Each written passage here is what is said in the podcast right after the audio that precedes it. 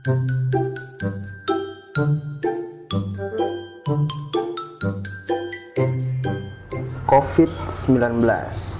Ah, sebelum gua bahas di sini di podcast link, gua mau terima kasih buat teman-teman semua yang udah dengerin episode 1 kita.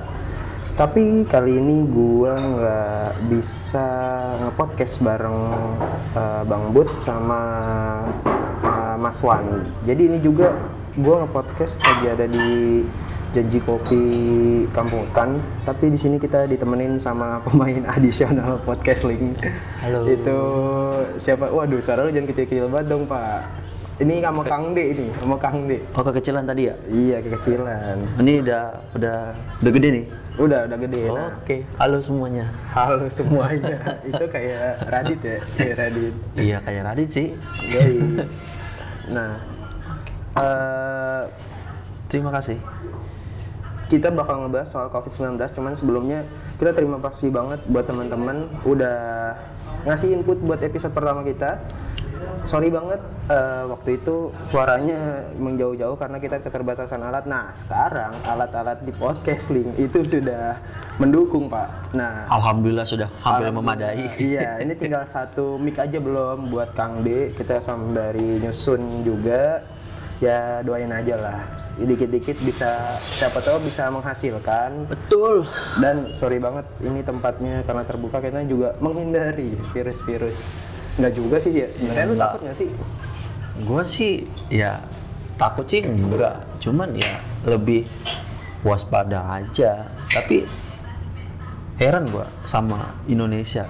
kenapa tuh Ya sama pemerintahnya sih sebenarnya gua heran. berat nih bos ya, ngomongan lu berat nih bos ya heran aja gua apa ya kalau kalau yang gua baca-baca di Twitter di Instagram Hmm. nonton berita segala macem itu kalau di Cina kan dia sistem apa ya kayak ibarat kata antisipasinya kan dengan cara lockdown tuh. Ya lockdown. Ya lockdown kan kalau di Cina ya. Kalau di Indonesia kan EWFH ya, ya work from home. itu juga tapi di tapi di selain Cina itu Korea Selatan eh, dengan cara pemeriksaan massal tuh. Pemeriksaan ini. COVID massal. Kayak door to door kalau di sini mungkin ya? Kayak pemeriksaan ke dokter door to door masif gitu kan maksudnya?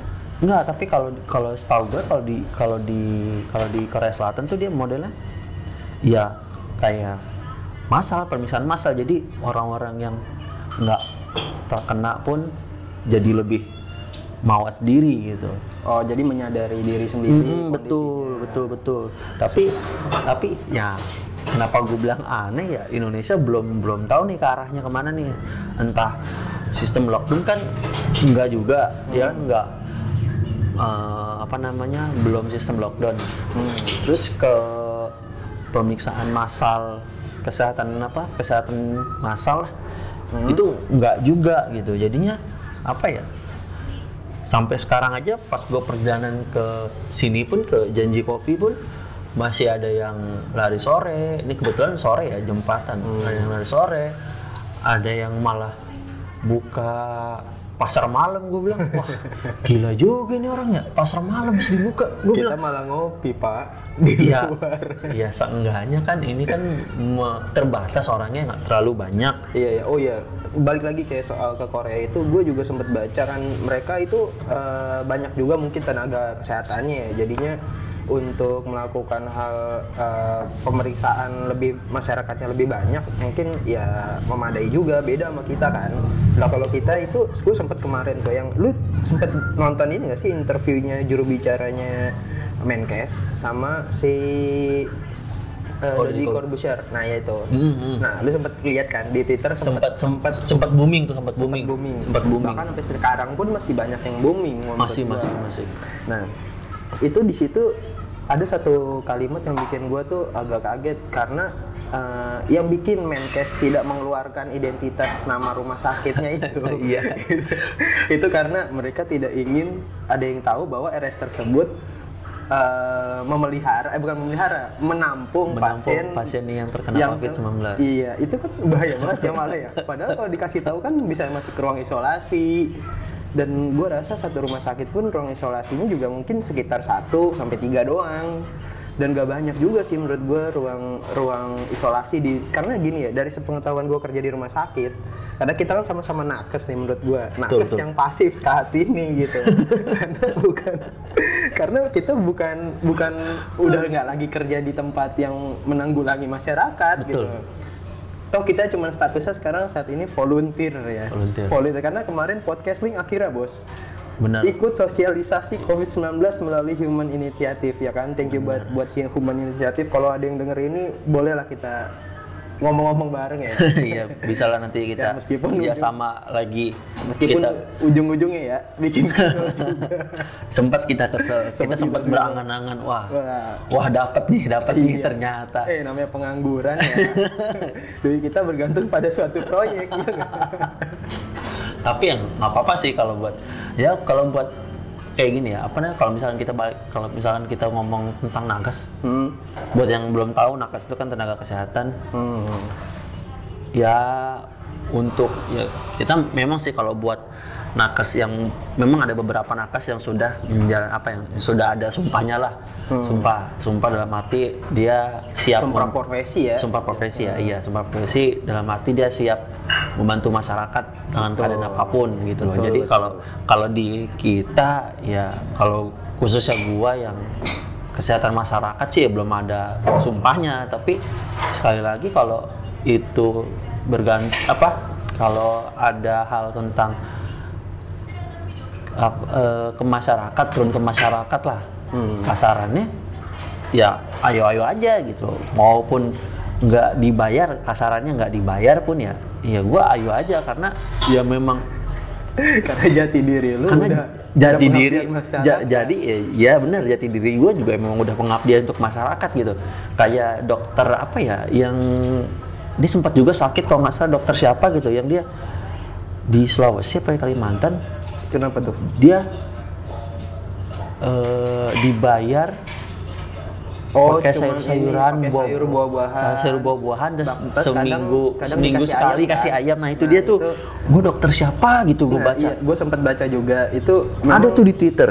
Memang kita yang sebenarnya ya sejujurnya nih teman-teman kalau lu, lu semua mau tahu nakes itu justru yang yang orang yang paling jadi garda terdepan buat eh, lebih sering terkontaminasi virus COVID-19 gitu.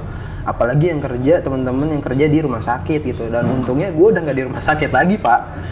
Udah mana udah mana gue shift malam mulu satu tahun ya kan? Lebih malah. Gue bisa bisa. Orang satu shift eh, satu tahun shiftnya malam mulu.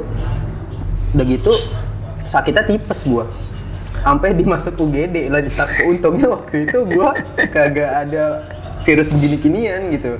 Nah tapi teman-teman gue yang kasihan. Nah, terus gue juga sempat baca ya di Twitter lu bayangin nih karena Gimana tuh? eh, di negara kita ini di negara plus 62 ini banyak orang yang salah pemahamannya soal COVID-19 gitu.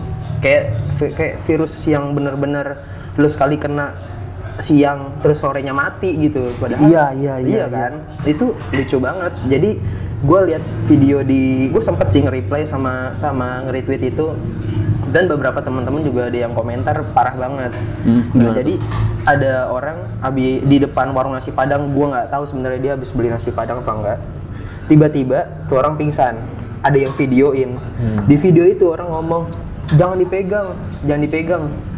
COVID-19 virus corona gitu kan virus corona. Dia dia main ngeklaim orang itu virus corona padahal orang di sekitarnya bener-bener nggak dinyentuh pak gara-gara itu akhirnya dia cuma ngebangunin motor doang nah coba lu logikanya orang yang ngebangunin bangunin motor aja udah megang bekasan tangan di handle motor kan Iya, Iya kan? kena juga. tetep aja. satu dua dia ngomong covid 19 kencang banget maksudnya gara-gara cuman virus ya bukan cuman sih memang mematikan gara-gara virus ini jadi orang pri kemanusiaannya tuh jadi kurang Iya benar. menurut gua Itu udah udah kalau kalau bilang kepribadiannya kurang ya udah terbukti dari sebelum virus ini masuk ke negara berkembang. Mm-mm. Eh berkembang. Sorry Indonesia udah dicoret dari negara berkembang, negara baju. negara maju Negara Tapi maju. menyelesaikan seperti ini malah jadi rumit Iya, jadi Dan rumit.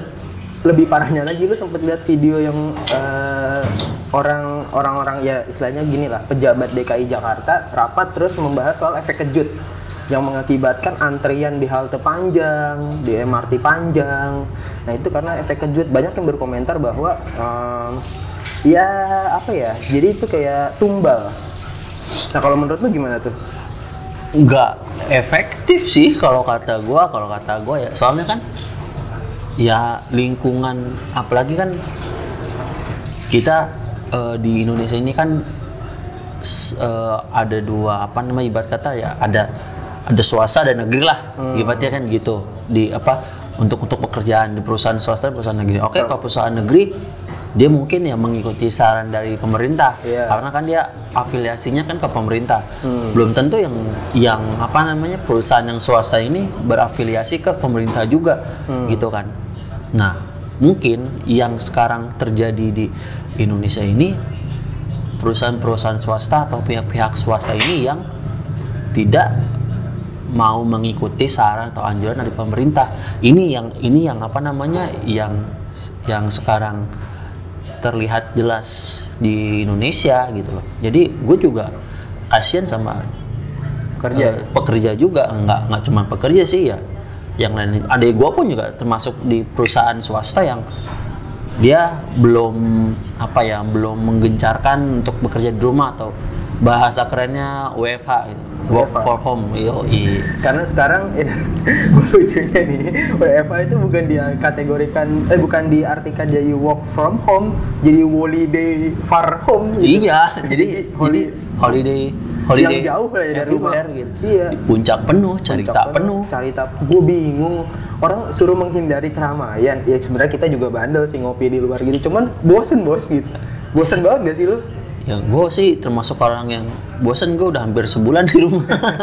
Sebelum virus ini ada gue udah sering banget di rumah. Sebulan dua bulan gue emang di rumah mulu. Kagak ke mana-mana. Eh sekalinya keluar ya. Ya udah main aja ngopi segala macem. Karena kita sebenarnya job seeker yang yang eh, masa kerjanya pendek, Iya. tapi masa menghabiskan uangnya cepat gitu ya. tapi jangan salah, kita juga punya tabungan. Bener tabungan kita di akhirat. Iya, kita di akhirat. karena kita ikut volunteer ya. Volunteer volunteer. Ya habis gimana ya? Eh, Kang D kerjanya proyekan di PLTU ya di pembangunan infrastruktur ya Ya. istilahnya alat-alat berat lah K3 kalau kita. Jadi termasuk tenaga kesehatan yang di bidang seperti itu. Sedangkan gua di bagian gizi dan gitu gua kesibukannya juga lagi S2 gara-gara Covid. Jadinya gua Sidangnya ditunda. sidang ditunda terus. Sidang online takut ngecit. Habis gimana ya? Gua enak, enakan sidang online, coy. Sidang online harus tatap muka. Lu tahu internet di rumah gua ngadet-ngadet. Jadi balik lagi. Jadi jadi balik lagi ya. Oh iya eh, yang belum tahu kenapa di podcast link ini Bang Bud sama Mas Wan Sobat Gurun nggak bisa ngikut karena Mas Wan Sobat Gurun dia melarikan diri beserta Dia- keluarganya ke Malang. Dia lagi Pulang kampung. WFH dia WFH. holiday Kuliah for home. terus Bang Bud badan segede gitu nggak boleh keluar Nggak berani. nggak berani nggak berani keluar karena karena kan memang eh, kebetulan tempat tinggalnya Bang Bud itu kan jauh juga ya jauh juga di daerah-daerah Jaksel. Nah, Betul. se- sementara kalau kita ngelihat peta penyebaran COVID-19 itu memang ada di Jaksel paling paling dekat dengan ya kebetulan ini kan di daerah Tangsel ya, daerah Tangsel. Nah, itu berdekatan dengan Jaksel jadi mungkin ya di ya Tangerang sendiri, sendi- Tangsel sendiri kan udah udah ada yang kena tuh ada yang meninggal di Pondok Aren. oh iya ada dua orang nggak sih dua orang yang udah meninggal Dua orang meninggal di Dua orang di- meninggal kan? Di dua orang meninggal di Tangsel Hmm, satu cewek satu lagi nggak tahu gua kelaminnya apa hmm. nah jadi ya karena ya lebih baik mempertahankan diri sendiri, gitu. mempertahankan apa ya, Apa ya? mi- menjaga, menjaga menjaga diri gitu daripada daripada kan. Iya betul. Karena kalau disinergisan sama agama, waduh, lu juga udah mulai pilek nih, jangan-jangan nih. Pilek, gua karena dingin. Gue bukan orang yang menghakimi orang lain ketika ada di tempat umum, cuman ketimbang bersin sama batuk aja, itu udah difonis. Iya karena Difonis. karena ya ciri-cirinya COVID-19 ya, ya itu. Iya. ya batuk, ya pilek, ya Cuman kan bersin. ada ciri yang di mana itu lebih lebih spesifik Spesifik, kan. iya. Artinya kayak misalkan eh, apa sih kayak demam. Orang cuman batuk, uh gitu doang aja langsung diliatin. batuk bersin nih seakan-akan padahal ya padahal sebelum covid ini menyebar Hmm. ya kita pernah ada apa SARS Oh Ya, iya. penyakit penyakit betul. Hmm. penyakit batuk juga modelnya in- influenza gitu kan penyakit yang memang lebih yang memang lebih dulu lebih apa pen- eh, penyakit pendahulunya lah nenek moyangnya lah mungkin bahasa gampangnya Betul betul. dan itu mematikannya lebih parah daripada COVID-19 gitu Hmm. atau jangan-jangan sebenarnya seluruh penduduk di Indonesia ini sudah terkena sudah terkena COVID-19 di dalam Tapi tubuhnya tidak tapi menyadari. tapi tidak menyadari dan lagi pula memang lagi sehat aja Benar-benar. memang lagi sehat aja Imunnya tebel ya. imunnya tebel iyalah tiap hari makannya gorengan campur Nasi plastik uduk, nasi uduk. Bakso dikasih borak Nah, ini ngomong-ngomongin makanan nih. Sebenarnya ada beberapa makanan yang sering kita buat makan, itu yang yang harus diperhatikan. Hmm. Misalkan yang yang artinya yang langsung ber- beroperasi pakai tangan tanpa ada pembungkus. Nggak misalnya kayak nggak pakai sarung tangan. Nggak kan ada sarung tangan yang plastik tuh. ada ada Nah, ada penjual jus kan di kampus kita, dia Hmm. selalu mau ada covid, mau ada enggak selalu pakai sarung tangan kan. betul ada Tapi men, lu lihat dong, penjual bakso tidak semua memang. Iya. Tapi ada yang ya itu bisa bulat gitu kan dikemprut gitu, Pak. Iya. Terus dikeluarin Iya, jadi bakso, ya nggak? Kemprut lagi Iya bahasanya, kan? kampret. Iya benar, dicetakannya maksudnya, Dicetak. Cetakan maksudnya itu kemprut itu dicetakinnya pakai tangan Pakai gitu. tangan, digenggam, digenggam. Digenggam, Ya, ya. bahasa KBBI-nya. iya, benar digenggam. Terus apalagi somai, ya kan? Bisa jadi kayak Dimsum. gitu. Dia itu sejenis. Batagor, Batagor, ya pokoknya sejenis itu. Terus ada lagi em, gorengan-gorengan. gorengan-gorengan bahkan aduh ada-ada aja pokoknya itu makanan yang sebenarnya tanpa kita sadarin ah gue lagi pengen bakso tapi kan dia lupa caranya bikin bakso seperti apa gitu atau memang tidak pernah tahu nah itu memang kita nggak pernah tahu kehigienisan eh, seorang penjual itu kita nggak pernah tahu nah Gua jadi ngebayangin anjir. tuh kan jangan-jangan lu habis makan bakso pak Belum sih, tapi ya abis dari sini gue pengen makan bakso, pengen makan mie ayam. Nah, mie ayam memang dibikinnya direbus. Bener, Tapi direbus. kan ngambil dari lacinya, diguntel-guntel. Iya, pakai tangan. Tangannya belum tahu tuh bersih Belum apa tahu kagak. apa, orang Siapa tahu habis garuk-garuk selangkangan Iya kan, nggak ada covid, nggak ada covid aja, mereka berani-beraninya kencing di depan kita ya. Iya, Eh, bukan lagi covid itu mau konoha. Terus ini kita mau update dulu COVID-19 di Indonesia ini per 18 Maret 2020 positif itu sebanyak 227 orang, sembuhnya 11 orang ya alhamdulillah ya, Ya, udah ada alhamdulillah. perkembangan. Negatif 1083, meninggal 19. Naik banget ya. Yang tadinya meninggal Drastis. cuman nggak nyampe 5, terus jadi 11, terus sekarang 19. Tapi ini tidak ini baru berapa persen Pak dari penduduk Indonesia yang Ah, sekia hampir setiap detiknya melahirkan makanya. puluhan bayi gitu kan. Nah itu eh, kita cuma bisa pesen guys em, harus rajin-rajin eh, PHBS ya. Kita kan kemarin Ya, sempat sosialisasi COVID di SDIT Darul Maza di Bekasi. ya. Nah itu kita mensosialisasikan soal bagaimana makanan yang harus kita konsumsi, Betul, perilaku hidup bersih dan pola sehat. hidup dan bersih dan sehat itu mencakup kayak cuci tangan, pemakaian masker yang Pemakaian baik, masker yang baik. terus berapa sih berapa lama sih kita pakai masker tuh yang benar ya Hmm. kalau masker yang hijau yang putih balik itu kan cuma sehari bolehnya Iya, sehari dua hari lah mungkin. sehari dua terpaksanya memang itu Iya, harus dua hari terpaksanya memang harus dua hari. Udah gitu sebenarnya banyak alternatif kan. Kita kan juga pasti di rumah punya kain buff kan. Ya meskipun nggak setebel Ya, uh, setebel. masker ini, ya Iya. setidaknya ada penghalang lah. Mm-mm. Tapi kalau yang gua baca-baca ya, baca-baca nonton-nonton gitu. Sebenarnya untuk pemakaian masker ini nggak terlalu efektif untuk orang-orang apa pergi- berpergian lah. Per- kalau misalkan kan sekarang banyak tuh orang-orang yang kalau pergi-pergi itu suka pakai suka pakai masker. Entah maskernya yang biru kan banyak tuh yang biru, yang hijau segala macam. Nah itu katanya itu nggak nggak apa ya nggak berperan besar untuk lu supaya nggak kena penyakit corona gitu lah. Oh iya. Gitu. Ternyata kalau memang lu sakit, lu pakai. Untuk apa? Untuk mencegah. Karena kan ya itu kan untuk menyaring apa partikel debu segala macam biar nggak masuk mulut, biar nggak masuk hidung gitu kan. Itu kan 0,0 berapa 0,03 mikron apa kalau nggak salah se, se- seingat gua. Mantap, omongan kita ilmiah sekali. Karena Kang cari kita. Oh siap. Lu sudah mempersiapkan ini semua ya. ya? Enggak sih. Ini gua ya gua sering baca-baca aja di rumah. Nih, membuktikan pengangguran itu tidak bodoh. Enggak, pengalaman tidak bodoh dan kalian juga bodoh. kalau kalian melakukan social distance di rumah itu juga ya jangan lu bangun tidur makan berak mandi. Bangun tidur berak makan mandi. Terus nyari bacolan ya jangan gitu loh.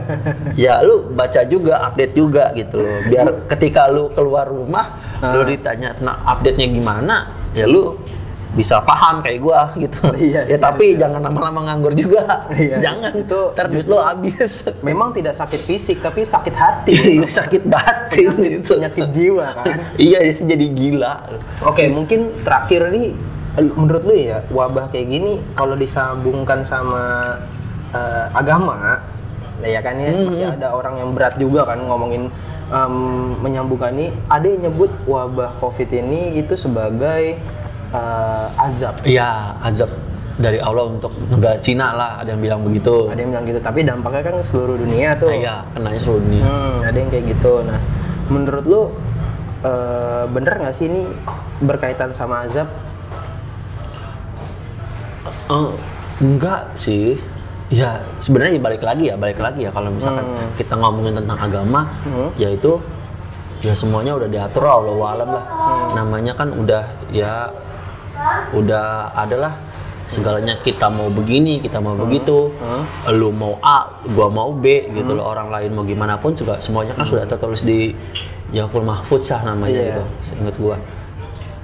Nah, ya mungkin ini memang udah, iya Takdir memang ya. udah, iya memang udah jalannya Allah memberikan penyakit ini diturunkan ya biar supaya kita tidak memakan makanan yang seharusnya tidak kita makan gitu loh. Benar. Kan kayak contohnya kalau yang di Cina itu kan gara-gara dia makan kelawar. Ya yang kita tahu ya. Iya, yang kita tahu kelawar. Terus ada kan pasar ekstrim yang di Manado itu kan juga ada tuh. Oh, iya. Yang ada jual eh, Oh, kelawar, iya, ya anjing. Orang orang kita juga banyak yang makan kelelawar juga ya orang Manado ya. Iya, orang makan kelawar, biawak, apalagi ular, Bener-bener. anjing, kucing segala macam yang makanan yang memang bahan bahan-bahan makanan yang memang tidak untuk dimakan gitu loh. Ah. Contohnya ya, kalau waktu itu gua ke Indofest kebetulan ada yang jadi pembawa eh apa narasumbernya tuh si Panji Panji Petualang dia bilang begini Bawa garaga nggak?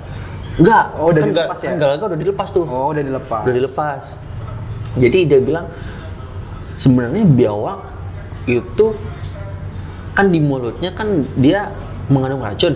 Oh gitu. Iya, di mulut-mulutnya mengandung racun. Nah, biawak itu ya dia itu makanan salah satunya salah satunya makan kodok buduk. Ya Allah. Kodok buduk tuh yang yang di Kodok punggungnya banyak racun. Iya. Nah, dia salah satunya makan itu. Gue ngeliat pras kayak kodok buduk kayak ini aja gue pras bukan bang but ya beda lagi nih orangnya. gue udah liat kadang waduh orang kayak kodok buduk kayak kita udah geli ngeliatnya ya. Iya, kodok buduk ada namanya teman gue Pebi. Ya Allah disebutin namanya. Enggak, bercanda. Eh, Enggak sih, gue bercanda beneran itu. Oh, jadi, jadi apa namanya si eh, hewan ini tadi biawak itu makan kodok buduk ya kali ya. Yang ada banyak racunnya ya si namanya biawak ini kan dia memang salah satu hewan yang kebal terhadap racun. betul. Kebal, kebal terhadap racun segala macam lah. Dia makan kodok buduk yang di mana kodok buduk itu punya racun di punggungnya. Hmm. Ya lu bayangin aja. Itu biawak makan kodok buduk dan biawaknya itu kita yang makan. Wah ya itu udah bahaya banget sih. Nah, itu udah bahaya banget ya. Pas pas eh, Panji ngejelasin itu gue langsung oh ya benar juga ya make sense sih menurut gue ya. betul betul. Jadi ya udahlah lu mungkin ya mungkin ini salah satu cara apa salah satu jalan lah supaya Tuhan tuh memberitahu kita bahwa bahwasanya ya udahlah lu pada makan makanan yang jelas aja. Gue udah ciptain ayam, gue udah ciptain sapi, bebek, Domba. domba, itik, ya. kambing segala macem. Hmm. Ya mungkin ada be- beberapa bagian teman-teman yang makan babi juga. Ya udah lalu makan yang makan yang benar-benar ya udah ya. jelas aja gitu. Jangan jangan lu makan biawak, lu makan ular. Apa apalagi biawak, Iya, ular. pokoknya kayaknya kalau nggak salah di, di kita ya, misalnya kayak kita sama-sama Muslim, sama-sama Islam, itu kan melarang untuk makan yang hewan yang bertaring ya, Hewan yang bertaring, Hewan yang hewan yang bertaring. beramfibi. beramfibi, racun ya. Iya. Pasti yang bertaring beracun nggak sih? Hmm. Nggak juga ya. Ya, ada beberapa yang ada beberapa yang bertaring beracun juga, ada yang bertaring bertaring dong tapi nggak beracun. Kayak anjing kan nggak bertaring. Hmm. Kayak anjing kok nggak bertaring, anjing nggak beracun tapi dia bertaring. Maksud gua begitu, coy. Salah salah.